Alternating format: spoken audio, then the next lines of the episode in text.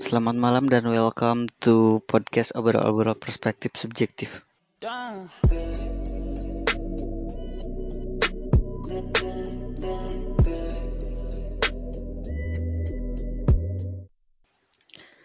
Hari ini adalah series baru dari podcast gua. Uh, namanya itu dongeng sebelum tidur. Uh, jadi setelah kemarin udah bikin beberapa jenis podcast ya. Kayak musikalisasi kemarin juga sempat buat. Udah kayak berbagi perspektifnya subjektifnya teman-teman juga udah. Terus ada juga uh, gue minta pendapat teman-teman lewat VN tentang beberapa hal. Misalnya pesan tentang masa depan. Terus yang udah lama dulu itu tentang apa yang mereka pikirkan ketika melihat laki-laki yang menangis karena patah hati terus juga ada di mantan waktu itu. Nah sekarang gue mau buat tentang dongeng sebelum tidur. Jadi dongeng sebelum tidur ini isinya adalah mungkin beberapa informasi yang gue dapat dari internet atau dari teman-teman yang coba mau gue ceritain ulang lewat podcast ini. Buat nemenin uh, waktu sebelum tidur gue juga atau waktu sebelum tidur teman-teman semua informasi ini uh, subjektif ya. Jadi mungkin ada nanti pendapat-pendapat subjektif dari gue yang coba gue masukin dalam cerita ini. Jadi kalau misalnya ada cerita-cerita yang salah atau ada pendapat-pendapat yang bertentangan dengan uh, pemikiran kalian yang ngedengerin ini pasti pasti pasti ada yang bertentangan. Jadi balik lagi ke judul podcastnya perspektif subjektif. Jadi subjektif gue aja ya. Oke untuk uh, series pertama dong yang sebelum tidur ini gue mau ceritain tentang orang termuda yang dihukum mati. Cerita ini gue ambil dari National Geographic Channel terus juga ada CNN terus ada CNBC juga. Jadi uh, eh, gue bacanya di situ di referensinya uh, kasus ini terjadi di Amerika pada saat itu tahun 1944 di mana yang dieksekusi mati adalah George Stanley Jr. Ia adalah keturunan Amerika Afrika dan dia difonis mati karena pembunuhan atas dua orang uh, bocah juga yang namanya tuh Betty dan Mary usia 8 dan 11 tahun. Pertama gue mau cerita awalnya bagaimana uh, George Stanley Jr. ini uh, ditangkap dan dihukum mati oleh polisi setempat. Dan mungkin uh, ada cerita versi lainnya atau ada pengetahuan-pengetahuan yang gue lewatin mohon maaf. Ya ini kan mau cerita aja kan. Pertama kenapa si George Teddy Jr. ini bisa didakwa dengan tuduhan pembunuhan? Betty dan Mary pada suatu sore dia uh, mencari bunga. Bunga liar ceritanya kayak anak kecil gimana sih orang-orang nyari uh, bunga ke mana-mana gitu kan. Dan setelah nyari bunga itu dia nggak balik-balik nih ceritanya. Dia nggak balik-balik terus tiba-tiba dia diketemukan dalam sebuah parit dengan kondisi yang mengenaskan. Dengan kepala seperti dipukul oleh besi dan terjadi pendarahan berat terus dia tewas dua-duanya itu tewas dalam satu parit kemudian dilakukannya investigasi dan dengan sangat kebetulan George Stanley Jr. adalah orang terakhir yang Mary dan Betty temui sebelum dia hilang, sebelum mereka hilang. George dan saudara perempuannya, kakaknya, adalah orang yang terakhir ditemui Mary dan Betty sebelum mereka menghilang. Setelah mengetahui hal itu, pihak yang berwenang langsung membawa George dan saudara perempuannya untuk diinterogasi. Entah kenapa uh, kakak perempuan George dibebaskan dan George menjadi terdakwa tunggal pada saat itu.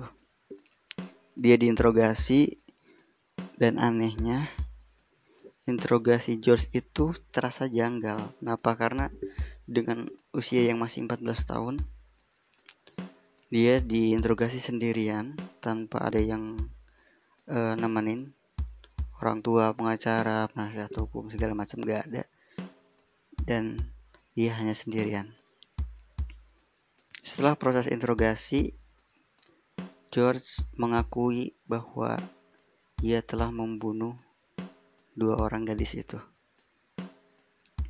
cuman yang tadi gue bilang itu masalahnya adalah kenapa harus George sendirian yang diinterogasi Kenapa nggak ditemenin pengacara, penasihat hukum, atau orang tuanya? Singkat cerita, George langsung uh, dihadapkan dalam sebuah persidangan.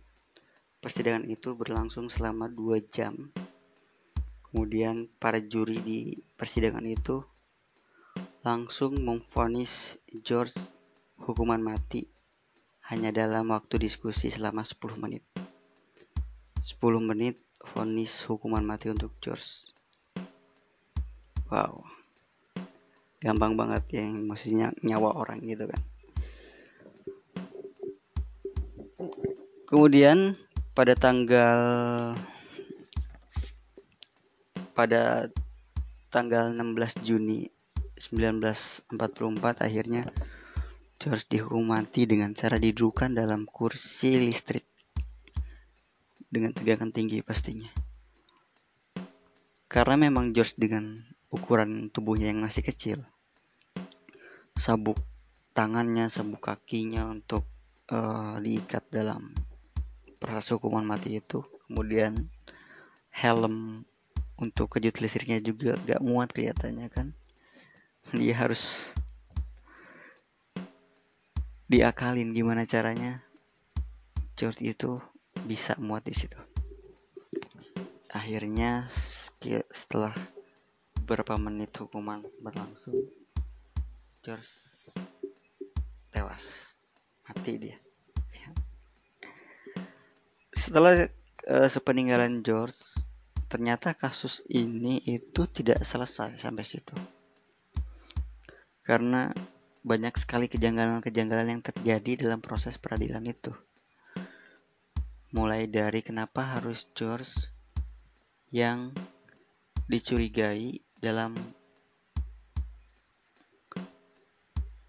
dalam uh, pembunuhan itu kan hanya karena George adalah orang yang terakhir ditemui sebelum pembunuhan terus dalam proses pertiga persidangan George hanya sendirian George dipaksa mengakui membunuh gadis itu dengan alasan ingin mengajak berhubungan intim, cuman dia nggak si gadis itu nggak mau, terus dibunuh. Ya agak kurang masuk akal sih ya. Tapi ya itulah sejarah kan. Kita nggak tahu sebenarnya apa yang terjadi, kita hanya baca dan lihat literasi-literasinya.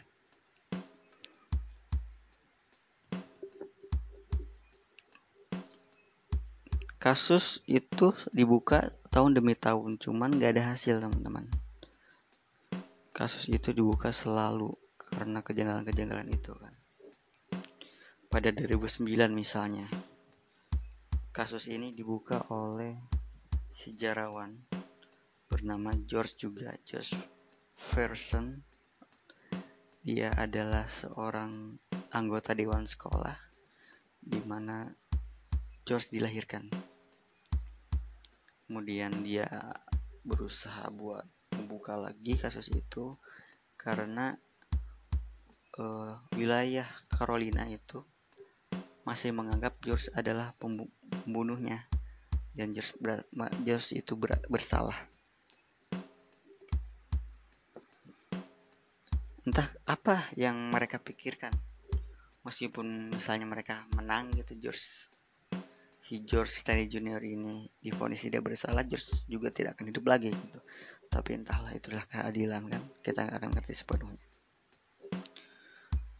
kemudian persidangan demi persidangan dilaluinya saksi demi saksi dihadirkan seperti psikiater forensik anak.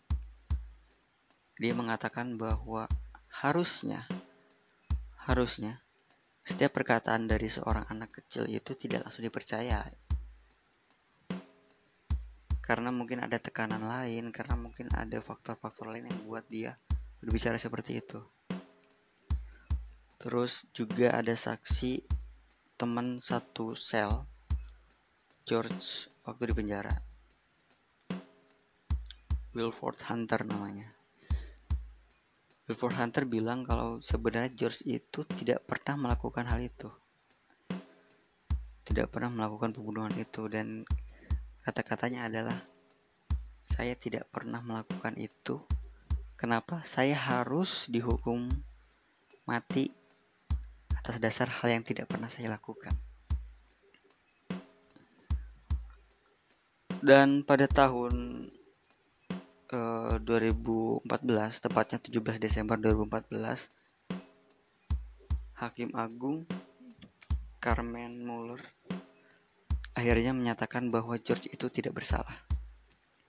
Setiap tuduhan-tuduhan yang dulu uh, sekitar 70 70 tahunan yang lalu yang dituduhkan oleh kepada George itu dicabut. Dan meskipun George Stanley Junior difonis tidak bersalah, ia tidak akan hidup lagi kan teman-teman. Dia tetap mati gitu. Tapi itulah keadilan kan, balik lagi kita akan ngerti. Dan yang gue garis bawahi adalah proses peradilannya di sini. Tentang orang-orang yang katanya itu menjunjung tinggi keadilan entah itu polisi, entah itu hakim, entah itu juri dalam persidangan. Mereka itu kan punya apa sih maksudnya punya kekuasaan atas keadilan itu. Kenapa dia mempergunakannya dengan tidak baik? Dan sedikit informasi ternyata seluruh uh, aparatur penegak hukum pada saat itu adalah orang kulit putih. Dan yang didakwa adalah orang kulit hitam. Bocah kulit hitam 14 tahun didakwa pembunuhan oleh orang-orang kulit putih di Amerika ya. Polisi intro yang menginterogasinya, terus hakimnya, dan juri-juri persidangannya itu semuanya orang kulit putih. Dan pada tahun 40-an memang rasisme dan diskriminasi terhadap orang kulit hitam tuh memang sangat marak terjadi. Sering banget kan. Jadi mungkin karena atmosfer yang masih begitu kuatnya yang membuat George yang malang di hadapan takdir yang begitu menyedihkan. Yang gue pikir adalah apa bedanya kejahatan dan keadilan kalau seperti ini. Keadilan yang kadang menyakiti orang. Dan kejahatan pun sama. Keadilan yang ingin menupas kejahatan dengan cara seperti itu gitu loh. Orang-orang mungkin bisa bilang itu cuman oknum. Oke oknum. Maksudnya apa sih gitu oknum? semua sama nggak ada yang lebih baik dari keadilan atau kejahatan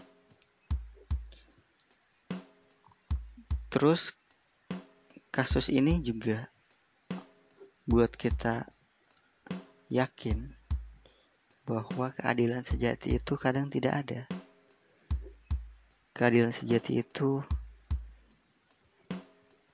hanya ada bagi orang-orang yang memang mengerti tentang apa itu keadilan. Bukan orang-orang yang menyandang gelar hakim bukan orang-orang yang menyandar menyandang gelar sarjana hukum atau apa pun itu.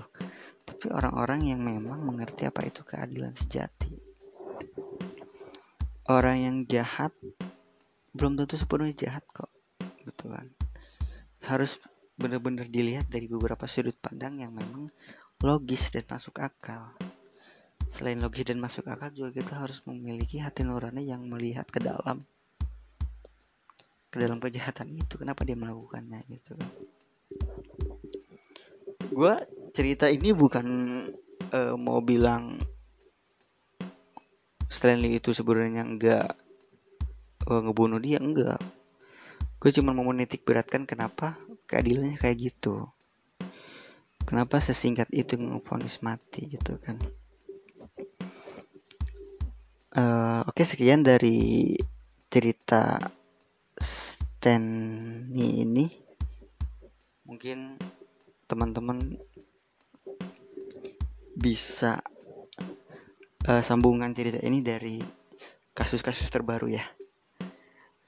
Kayak yang kemarin yang orang kulit hitam tewas karena diganjal lehernya oleh polisi kulit putih.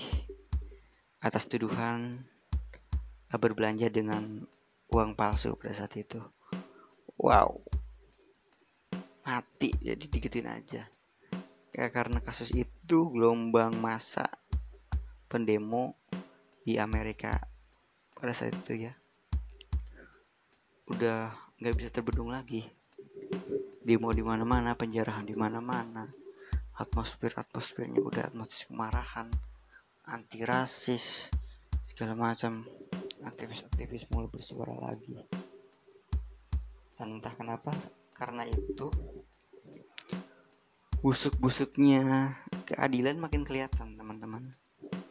Yang katanya menegakkan ketertiban yang katanya menegakkan keadilan itu semena-mena sama rakyatnya semena-mena sama kondisinya semena-mena sama semuanya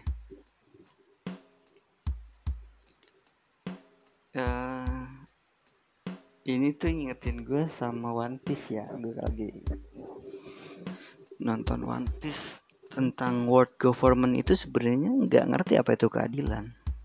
Dia hanya menggaung-gaungkan keadilannya untuk pihaknya saja.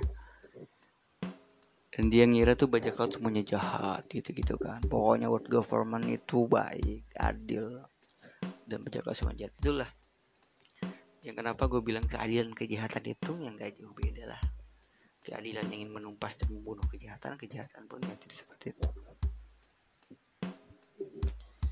Oke, sekian saja gue udahin untuk uh, dongeng sebelum tidur pada hari ini. Terima kasih yang sudah mendengarkan sampai akhir.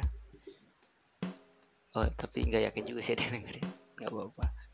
Jadi intinya dari cerita ini adalah tentang keadilan, teman-teman. Apa sih hakikat keadilan itu? apa keadilan hanya milik uh, mereka yang berkuasa saja? Apa keadilan hanya mereka, hanya milik mereka yang menyandang uh, suatu gelar tertentu, misalnya polisi, misalnya hakim atau juri-juri di pengadilan? Apa keadilan itu apa sih sebenarnya? Itu poin pentingnya. Oke sekian dan uh, semoga gue bisa rekaman-rekaman lagi nggak males-malesan. Ya, Dadah, selamat malam semuanya.